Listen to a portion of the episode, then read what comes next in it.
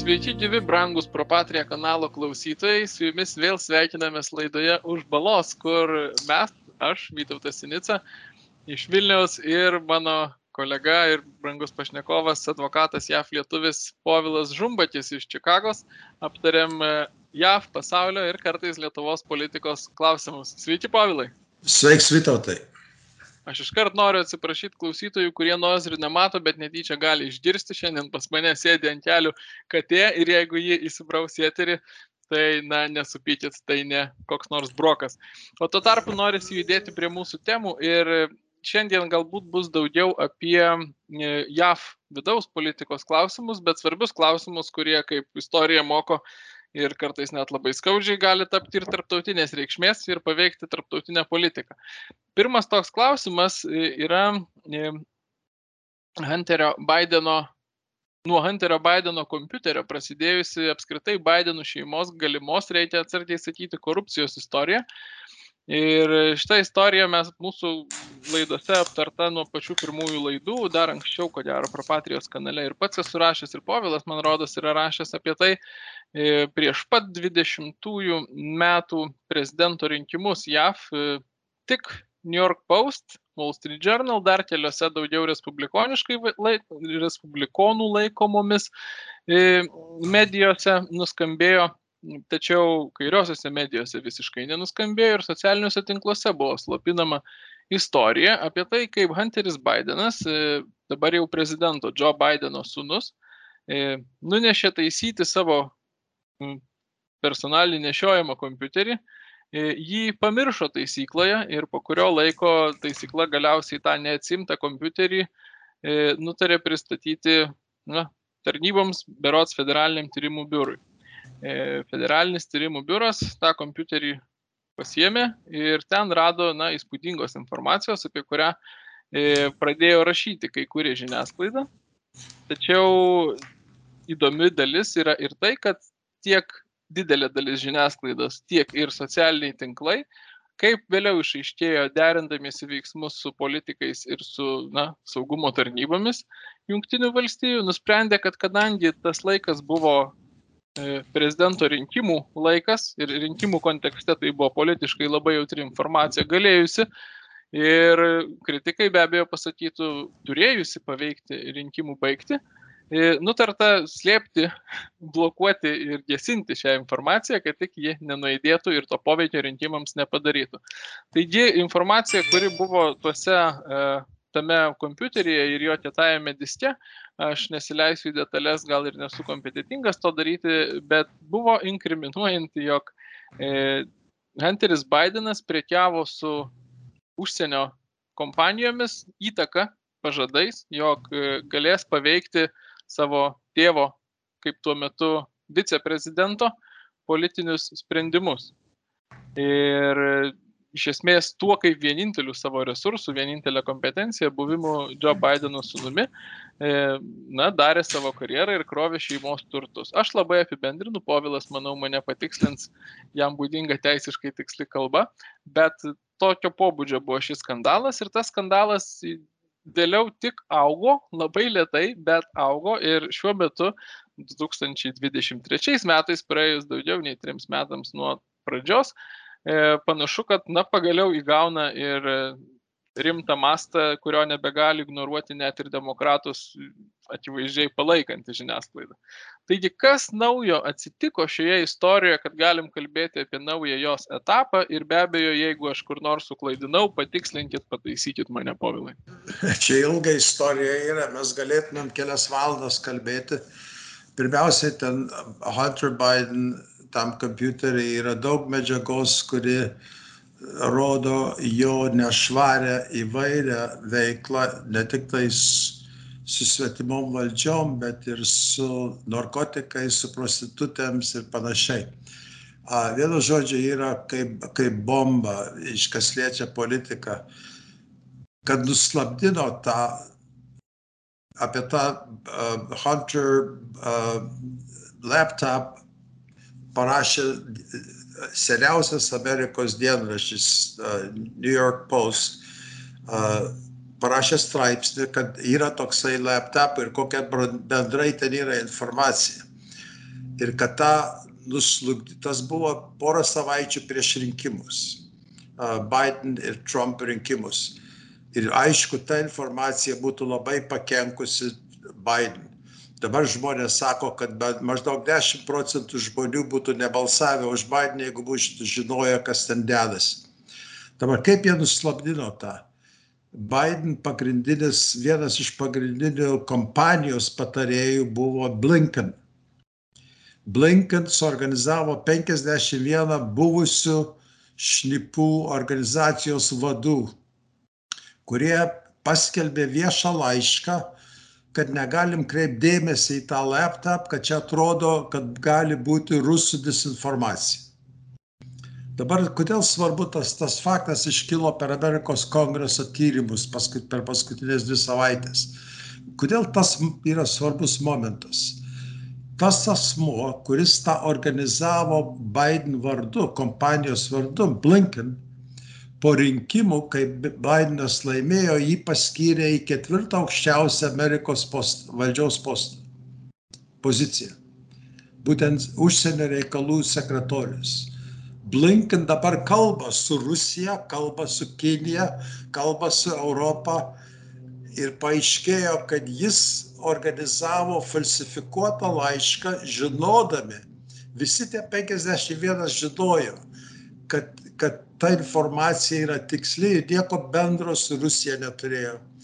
Bet panaudojant tų 51 žmogaus parašyto laiško, FBI ir kitos agentūros mokėjo kaip nuslibdytą dalyką, kad neišeitų į viešumą.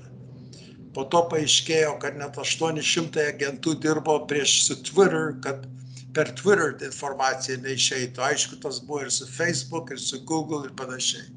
Tai, bet svarbu dabar, kaip e, Amerikos užsienio reikalų sekretorius kalbasi su užsienio valstybėm, atsibinti, kad jis naudojo užsienio reikalus paveikti Amerikos rinkimus ir falsifikuoti informaciją prieš Rusiją. O naujausi, kaip čia pasakius, pokyčiai šioje istorijoje aš kiek skaičiau, dabar atsirado, kaip jį reiktų vadinti, pranešėjas, whistleblower, e, apie kuris, kuris sutinka pasakoti anksčiau negirdėtus faktus šioje istorijoje. Dabar ir išėjo tą, ką dabar kalbėjom, išpaaiškėjo, aiškina Amerikos kongresas, kur vyksta tyrimus. Dabar Amerikos senate du metus daro tyrimus senatorius uh, Grassley ir senatorius Johnson, abu du respublikonai. Ir prie jų prisitaikė dabar vienas whistleblower, kuris nori liūdinti, sutinka liūdinti, o liūdinti, tarp kitko, yra pavojinga, jeigu meluoji liūdimas gali atsidurti kalėjime. Kai duodi priesaiką liūdinamas, Amerikoje gali iki penkių metų atsisėsti kalėjimą, jeigu meluoji. Lietuvoje melavimas žiūri per pirštus, Amerikoje, kai yra priesaika, melavimas yra labai rimtas nusikaltimas. Jis yra pasiruošęs liudyti, kad jis me, asmeniškai matė FBI dokumentą, memorandumą, parašytą, kaip Bidenas priėmė pinigus iš užsienio valdžios, reiškia kyšius, kad paveikti Amerikos politiką kai jis buvo viceprezidentas. Tai, bu, tai yra kaip bomba. Reiškia, jeigu yra teisybė, tai prezidentas turėtų atsistatydinti iš savo valdžios ir prieš jį turėtų iškelti kriminalinę bylą. Dabar klausimas yra, ką Amerikos valdžia darys, kaip tą dokumentą bandys nuslėpti. Kadangi tas žmogus aiškiai matė tą dokumentą ir paaiškina, kas tam dokumente yra parašyta ir yra pasiruošęs rizikuoti, kad jį pasodins į kalėjimą, jeigu jis neteisybę sako, ateiti ir liūdyti viešai. Tai čia yra kaip bomba ir čia liečia patį prezidentą, ne tik tai jo šeimą. Filmuose čia būtų ta situacija, kur tą žmogų reikia saugoti, nes jis paslaptingai dings tai dabar kaip tik ir yra tie whistleblower, kuris Amerikos kongrese, kur sutiko dalyvauti, ir dabar senatės, sutiko dalyvauti, jis, jie prisistatė per savo advokatus ir praso apsaugos, kadangi žino, kad jiem yra pavojus.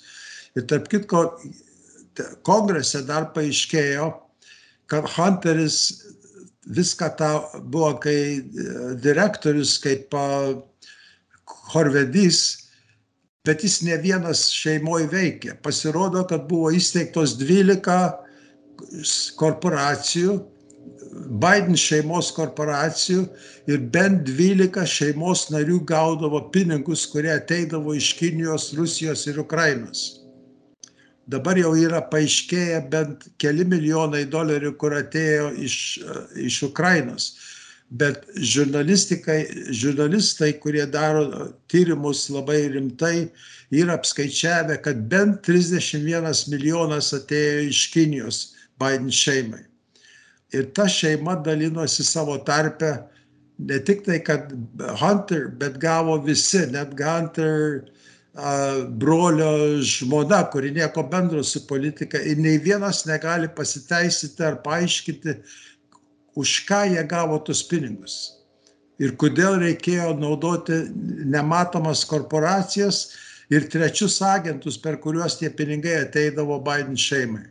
Ir aiškiai dabar gan iš to Biden laptop aišku yra, kad prezidentas Biden, tada buvo viceprezidentas, gaudavo, bent kai vienam memorandume parašyta, vienam email, big guy gauna 10 procentų nuo, viršų, nuo viršaus tų pinigų, kur ateina iš užsienio.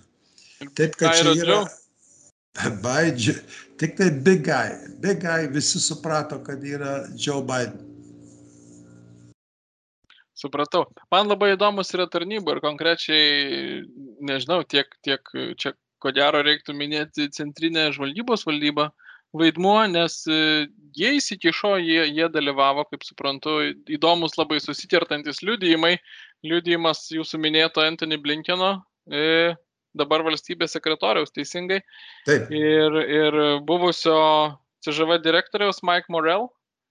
E, Taip. E, apie tai, kas vis dėlto sugalvojo įsikišti, paaiškinant, kad čia neva yra mm, Rusijos inspiruoti tą informaciją, neva fake news apie Hunterio Bideno kompiuterio turinį. E, Blinkenas sakė, kad CŽV pati sugalvojo, Morelis sakė, kad jis visai nenorėjo ir kad čia Bideno kompanija sugalvojo. E, ar teisingai suprantu? Teisingai ir uh, Morel, tarp kitko, liudijo su priesaika, taip kaip jis ją meluoti buvo pavojus. Blinken kol kas dar nėra liudijęs, kas liečia šitas detalės. Nors Blinken yra liudijęs, kad jis neturėjo jokių ryšių su Hunter. Po mhm. to paaiškėjo, kad yra eilė e-mail susirašinėjimų tarp Blinken ir, ir uh, Hunter, bet dar kas yra, kad jis naudodavo savo žmonos kompiuterį, tai reiškia paslėpti susirašinėjimą su Hunter, kai viskas tas vyko už kulisę. Tai Blinkena, Blinkenas jau melavo dėl to ir jį dėl to galėtų atšaukti iš pozicijos ir iškelti prieš jį kriminalinę bylą. Nes man tai koks klausimas kyla, iš esmės tas Morelio liudijimas yra pripažinimas, kad CŽV veikia politizuotai, diktuojant politikams, politiniai kampanijai. Tai jau savaime skandalinga. Ir tada sekantis žingsnis man atrodo skandalinga, kad žiniasklaidai tai netrodo skandalinga. Pagaunat mane. Reikia suprasti, kad Amerikos žiniasklaida, didžioji žiniasklaida daugumoji praktiškai yra demokratų partijos uh, propagandos skyrius. Tarp kitko, kai kurios dalykus, kur dabar diskutuojam, kur tikrai yra liečia Amerikos saugumą, liečia Amerikos tarptautinius ryšius, liečia pasaulio politiką, kai išėjo kai kuri ta informacija, nei vieno žodžio nebuvo pranešta per didžiąją Amerikos žiniasklaidą, išskyrus per ir dar Wall Street Journal ir Washington Post, reiškia, yra, New York Post, yra keli laikraščiai, gal kokie 5 procentai ar 10 procentų žiniasklaidos, kur paskelbė, maždaug 90 procentų žiniasklaidos blokuoja viską. O kada, atsiprašau, bet kad FBI būtų įsivėlus, jokio klausimo nėra. FBI skaitėsi bus viena iš rimčiausių organizacijų, kur daugiausiai turėjo pasitikėjimo Amerikos visuomeniai.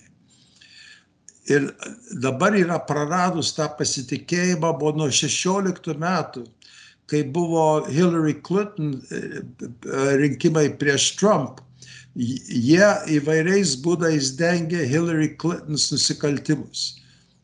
Hillary Clinton buvo paėmusi virš 30 tūkstančių e-mails, kur susirašinėjo per savo privačią kompiuterį vietoj, kad naudoti valdžios kompiuterį kaip privaloma.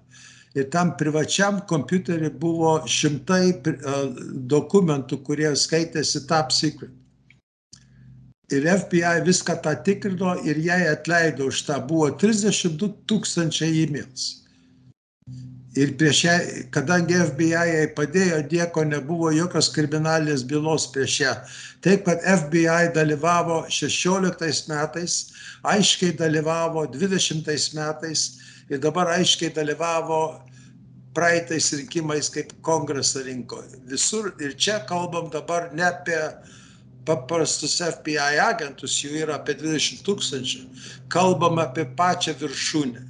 Čia yra supuvimas žuvies nuo pat galvos. Ir čia šiuo atveju nuo pat aukščiausių pareigūnų FBI Vašingtone. Tai kiek aš suprantu iš paviešintų Twitterio failų, čia gal jau klausytojai žino tą istoriją, kai elonas muskas tapęs tviterio savininku pradėjo viešinti vidinę informaciją buvusios tviterio vadovybės ir tarp tų visų tviterio failų buvo ir ta informacija, kad būtent FTB e, na, buvo ta institucija, kuri atėjo ir pasakė, kad jūs negalite viešinti to, jūs turit, e, kaip čia, gesinti tą ar tą skelbiančius įrašus. Tai man atrodo, šitas, šitas vaidmuo jau aiškus. E, man norėtųsi gal dar vieną kampą paliesti šitos istorijos prieš pereinant prie žiniasklaidos, tai yra Kinijos vaidmuo, kad klausytojui būtų aiškiau, kuo tai, ką mes čia šnekam, yra ne tik JAF reikalai, bet gali paveikti tarptautinius santykius. Toj viso informacija apie Hunterio Bideno veiklą ir ryšius, e, ar buvo ir jeigu buvo, tai kokios sąsajos su Kinijos valdančia partija ir įmonėmis? Yra gana aišku, jau yra dokumentuota, kad Hunter Biden, tarp kitko, skris, porą kartų skrido į Kiniją su viceprezidentu tėvu Biden, skrido oficialiam Amerikos lėktuvė ir jį supažindino su aukščiausiais Kinijos komunistų partijos ir valdžios pareigūnais. Tie pareigūnai įvairiais būdais į kabutėse pasamdė arba siūlė eiti į vairias, įvairius biznius, kuris būtų patarėjas. A, tų biznių buvo visa eilė, bet yra atskleista bent keli, kurie iškilo, kai buvę, buvęs a, Biden partneris paaiškino, kaip tas veikia ir ant kiek buvo kiniečiai įsivėlę į Hunter Biden. Dabar kodėl, kodėl kiniečiai išleistų milijonus dolerių samdyti Hunter Biden, kuris neturėjo jokio, jokios patirties tose srityse, kur jį samdė.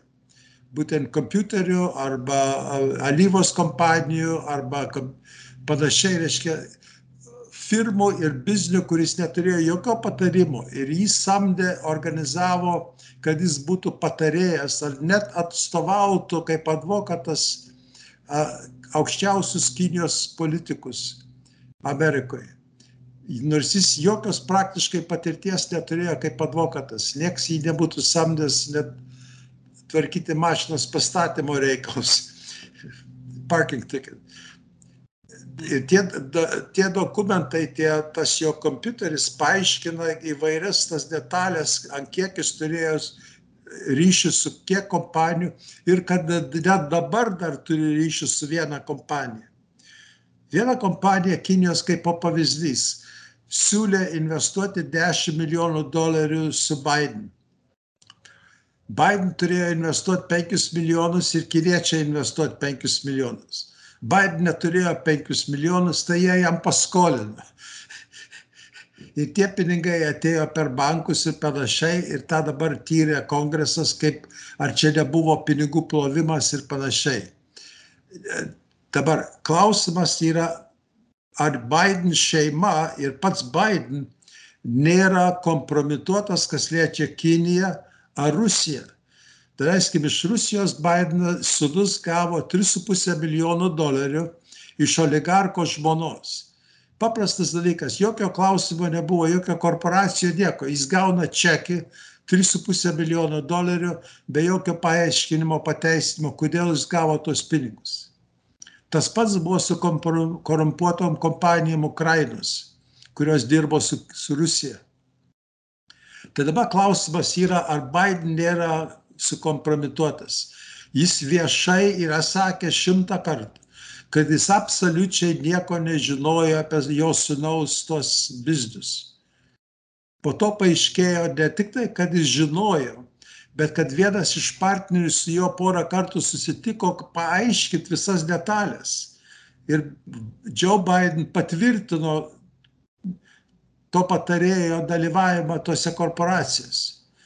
Buvo kaip darbo interviu, reiškia, atėjo uh, kompetitingas žmogus, kurį buvo, Hunteris buvo pasamdęs, bet kad, jį, kad jis kvalifikuotų, jis turėjo pereiti pasikalbėti su Joe Biden o Joe Biden viešai visur sako, kad jis absoliučiai nieko nežinojo. Jo, jis skrido su sūnum 20 kiek valandų atgal iš Kinijos, po to, kai sūnus padarė tos biznis ir jis nei vieno žodžio su sūnum nepakalbėjo apie jo biznį. Mhm. Jeigu tą gali tikėti, aš jums galiu parduoti Bruklinos tiltą. Žiūrėkit, aš paklausiu ir apie žiniasklaidą, nes ten nemažiau juoko verta situacija, o gal ir ašarų. Kaip suprantu, į žiniasklaidą nutekėjo kadrai, ku, iš kurių matyti, jog Baltieji rūmai bendradarbiauja su, kaip čia pasakius, jų spaudos konferencijose dalyvaujančia žiniasklaida. Ar aš teisingai suprantu ir kas ten būtent buvo matyti toje spaudos konferencijoje, kas turbūt neturėjo pagal planą matytis? esi labai tikslus, kadangi čia nereikia gandų, tik reikia pasižiūrėti į filmas, tos vadinamos spaudos konferencijos. Tarp kitko, Biden klausimas kyla, kas valdo Baltuosius rūmus. Aiškiai nėra Biden ir aiškiai nėra viceprezidentė.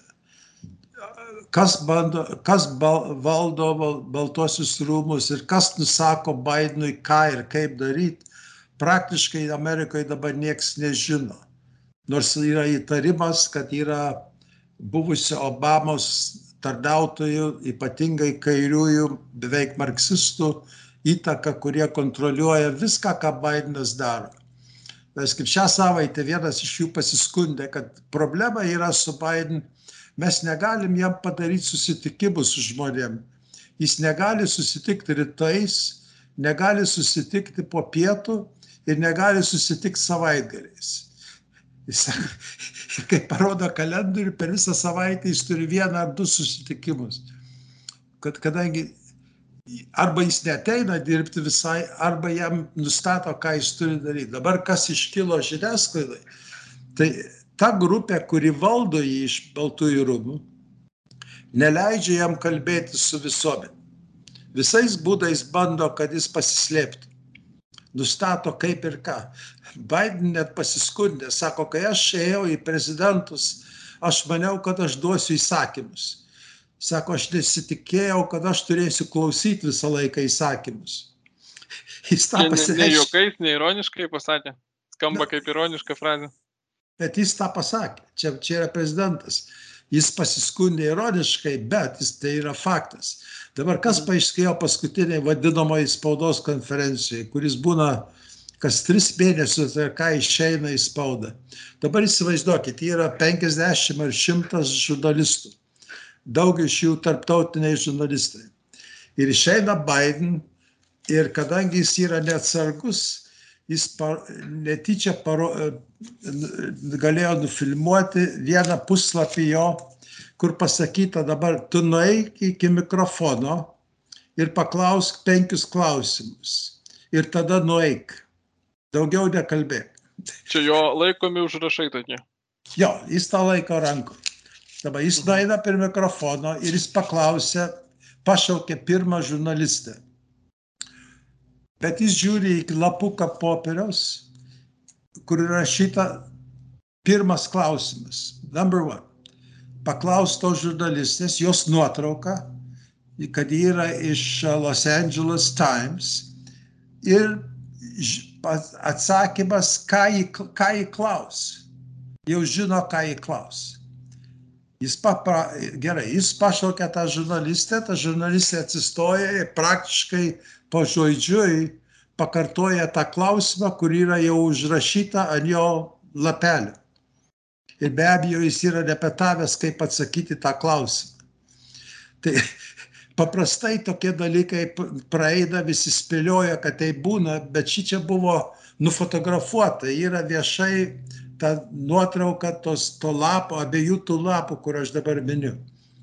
Kadangi Bidenas neatsargiai tos lapus vertė ir televizija nufilmavo tos aparatus. Tai dabar klausimas yra, ar Los Angeles Times ir kita žiniasklaida. Tarp kitko, visi penki klausimai buvo draugiškai žiniasklaidai. Ne vienas nebuvo žurnalistui, kuris gali paklausti kietą klausimą. Klausimas yra, ar Baltieji rūmai valdo žiniasklaidą, ar žiniasklaida prisideda prie, ir dirba kartu su Baltaisiais rūmais. Klausimas yra, ar tas klausimas žurnalistės buvo paruoštas Los Angeles Times, ar buvo paruoštas Baltųjų rūmo ir įduota į Los Angeles Times. Taip. Ir čia reiškia yra dabar klausimas, ar mes turim laisvą žiniasklaidą Amerikoje. Mano dažnai kritikuoju, kad 90 procentų žiniasklaidos nėra laisva, dirba kaip viena partija. Dirba su valdančiaja partija. Čia yra įdomus klausimas apie žiniasklaidos laisvę ir mes gal laiku apie tai kalbam, nes visai neseniai minėta tarptautinė spaudos diena. Ir nežinau kaip JAV, kurioje vietoje, bet Lietuvoje ne pirmus metus yra viešumoje džiaugiamasi, kad Lietuva pagal spaudos laisvę, ir čia tiksli terminija svarbi, yra labai aukštoje vietoje. Berot šiemet septinta, nepasakysiu pagal kurios standamų Freedom House ar, ar kažkurios panašios organizacijos sudarytą reitingą. Ir tie visi, kurie sako Lietuvoje, kad nėra jokios ten cancel culture, ideologinės cenzūros ir panašių problemų, kad nieks nėra tildomi, visi tie žmonės rodo į šitą spaudos laisvės reitingą ir sako, žiūrėkit, akivaizdu, tarptautiniai vertinimai Lietuvoje žodžio laisvė egzistuoja. Bet čia problema yra kokia? Velnės lypi detalėse. Du skirtingi dalykai yra spaudos laisvė ir žodžio laisvė. Ir pačia paprasčiausia prasme gal apibrieščiau skirtumą taip. Spaudos laisvė yra apie tai, kiek valdžia ir įstatymai e, kontroliuoja, riboja, diktuoja, ką daryti redakcijoms redakcijoms plačiaja prasme, ar ten internete, ar, ar portalų, ar laikraščių, ar ko tik nori. Žodžio laisvė yra apie tai, ką gali pasakyti ir kaip plačiai gali save išreikšti žmogus su įvairiom nuomonėm, pilietis. Šitie du dalykai skiriasi. Niekada turbūt niekas, kas kalba apie cancel culture, Lietuvoje tai tikrai, ir manau, kad ir ją, ja, jūs mane pataisysit, jeigu ne, nekritikuoja, kad valdžia įstatymais diktuoja cenzūrą ir neleidžia redakcijoms rašyti, ką jos nori. Tokios problemos nėra, niekas tuo mhm. nesiskundžia. Kitaip sakant, dėl spaudos laisvės niekas ir nesiskundžia. Skundžiamas yra dėl to, kad pačios redakcijos, nepriklausomai nuo to, kokiose platformose, yra savęs cenzuruojančios. Ar dėl finansinių motyvų, ar dėl to, kad turi ideologinius motyvus, ar dėl galio žaidimų, ar dar kokių priežasčių, bet kad jos save cenzuruoja ir tuo pačiu cenzuruoja tai, ką kas galės jų platformose pasakyti. Ir tai yra dvi skirtingos problemos.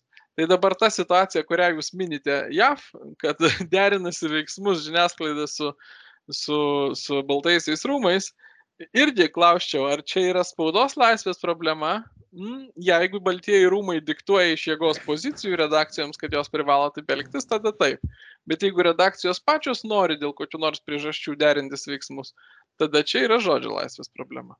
Ar sutinkat su tokiu skirimu?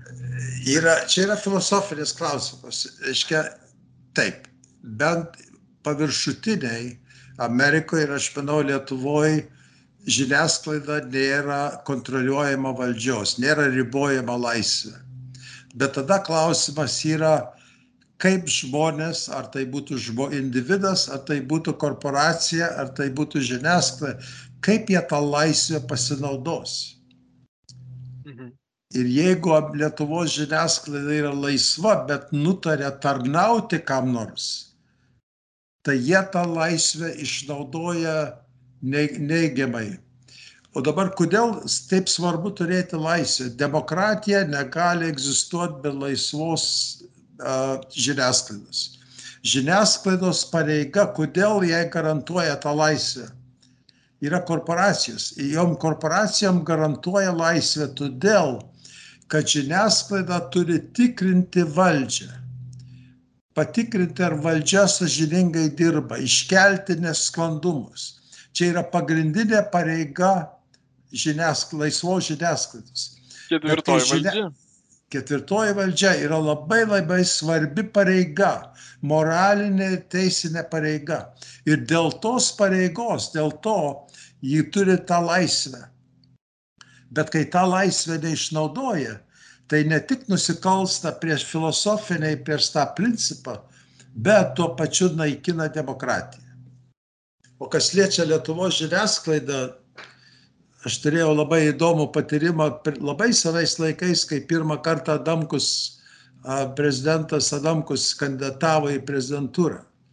Aš buvau vienintelis turbūt vakaruose, kur kritikuodavo Adamku dėl įvairių priežasčių, ypatingai jo ryšius su kai kuriais sovietų agentais ir panašiai. Pas mane atvažiavo vienas iš Lietuvos pagrindinių laikraščių žurnalistas, jį atsiuntė į Čikagą.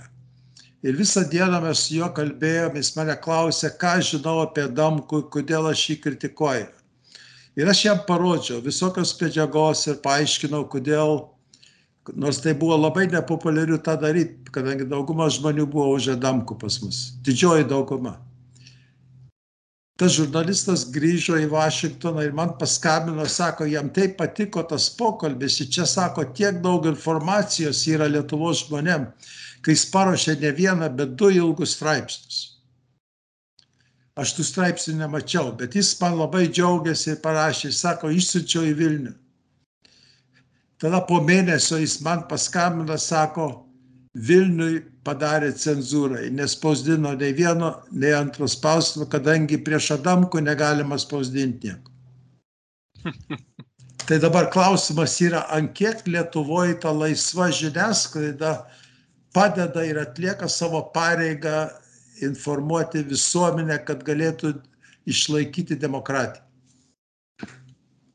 Nu, klausimą mes paliksim atvirą, bet turbūt internetinės žiniasklaidos nereikėtų, jeigu ta vadinamoji didžioji žiniasklaida būtų laisva ir atliktų tas pareigas tinkamai. E, aš gal tik taip apibendrinčiau, man atrodo, aš ne, ne ekspertas teikti, kad pirmaisiais nepriklausomybės dešimtmečiais e, daugiau interesų kovos ir tiesioginės sąsajos su viena ar kita partija ar su verslo grupe lemdavo šališkumą ir cenzūrą Lietuvos žiniasklaidoje, o dabar vis labiau nesąsajos su verslo grupėm, o ideologiniai dalykai lemia šališkumą žiniasklaidos grupių.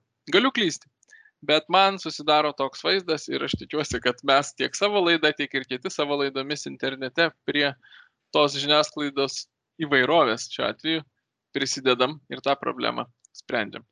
Nežinau, ar norėsit dar ką pridėti šioje temoje, Povilai? Ne, aš manau, kad mes tą temą galėtume ilgai diskutuoti, bet mes turim savo laiko ribas. Taip, netoks mūsų žanras. Ir aš labai dėkingas už šiandienos pokalbį. Aš bent jau man tos temos, kurias šiandien lietėm, yra labai įdomios. Tikiuosi, kad įdomios ir mūsų klausytojams.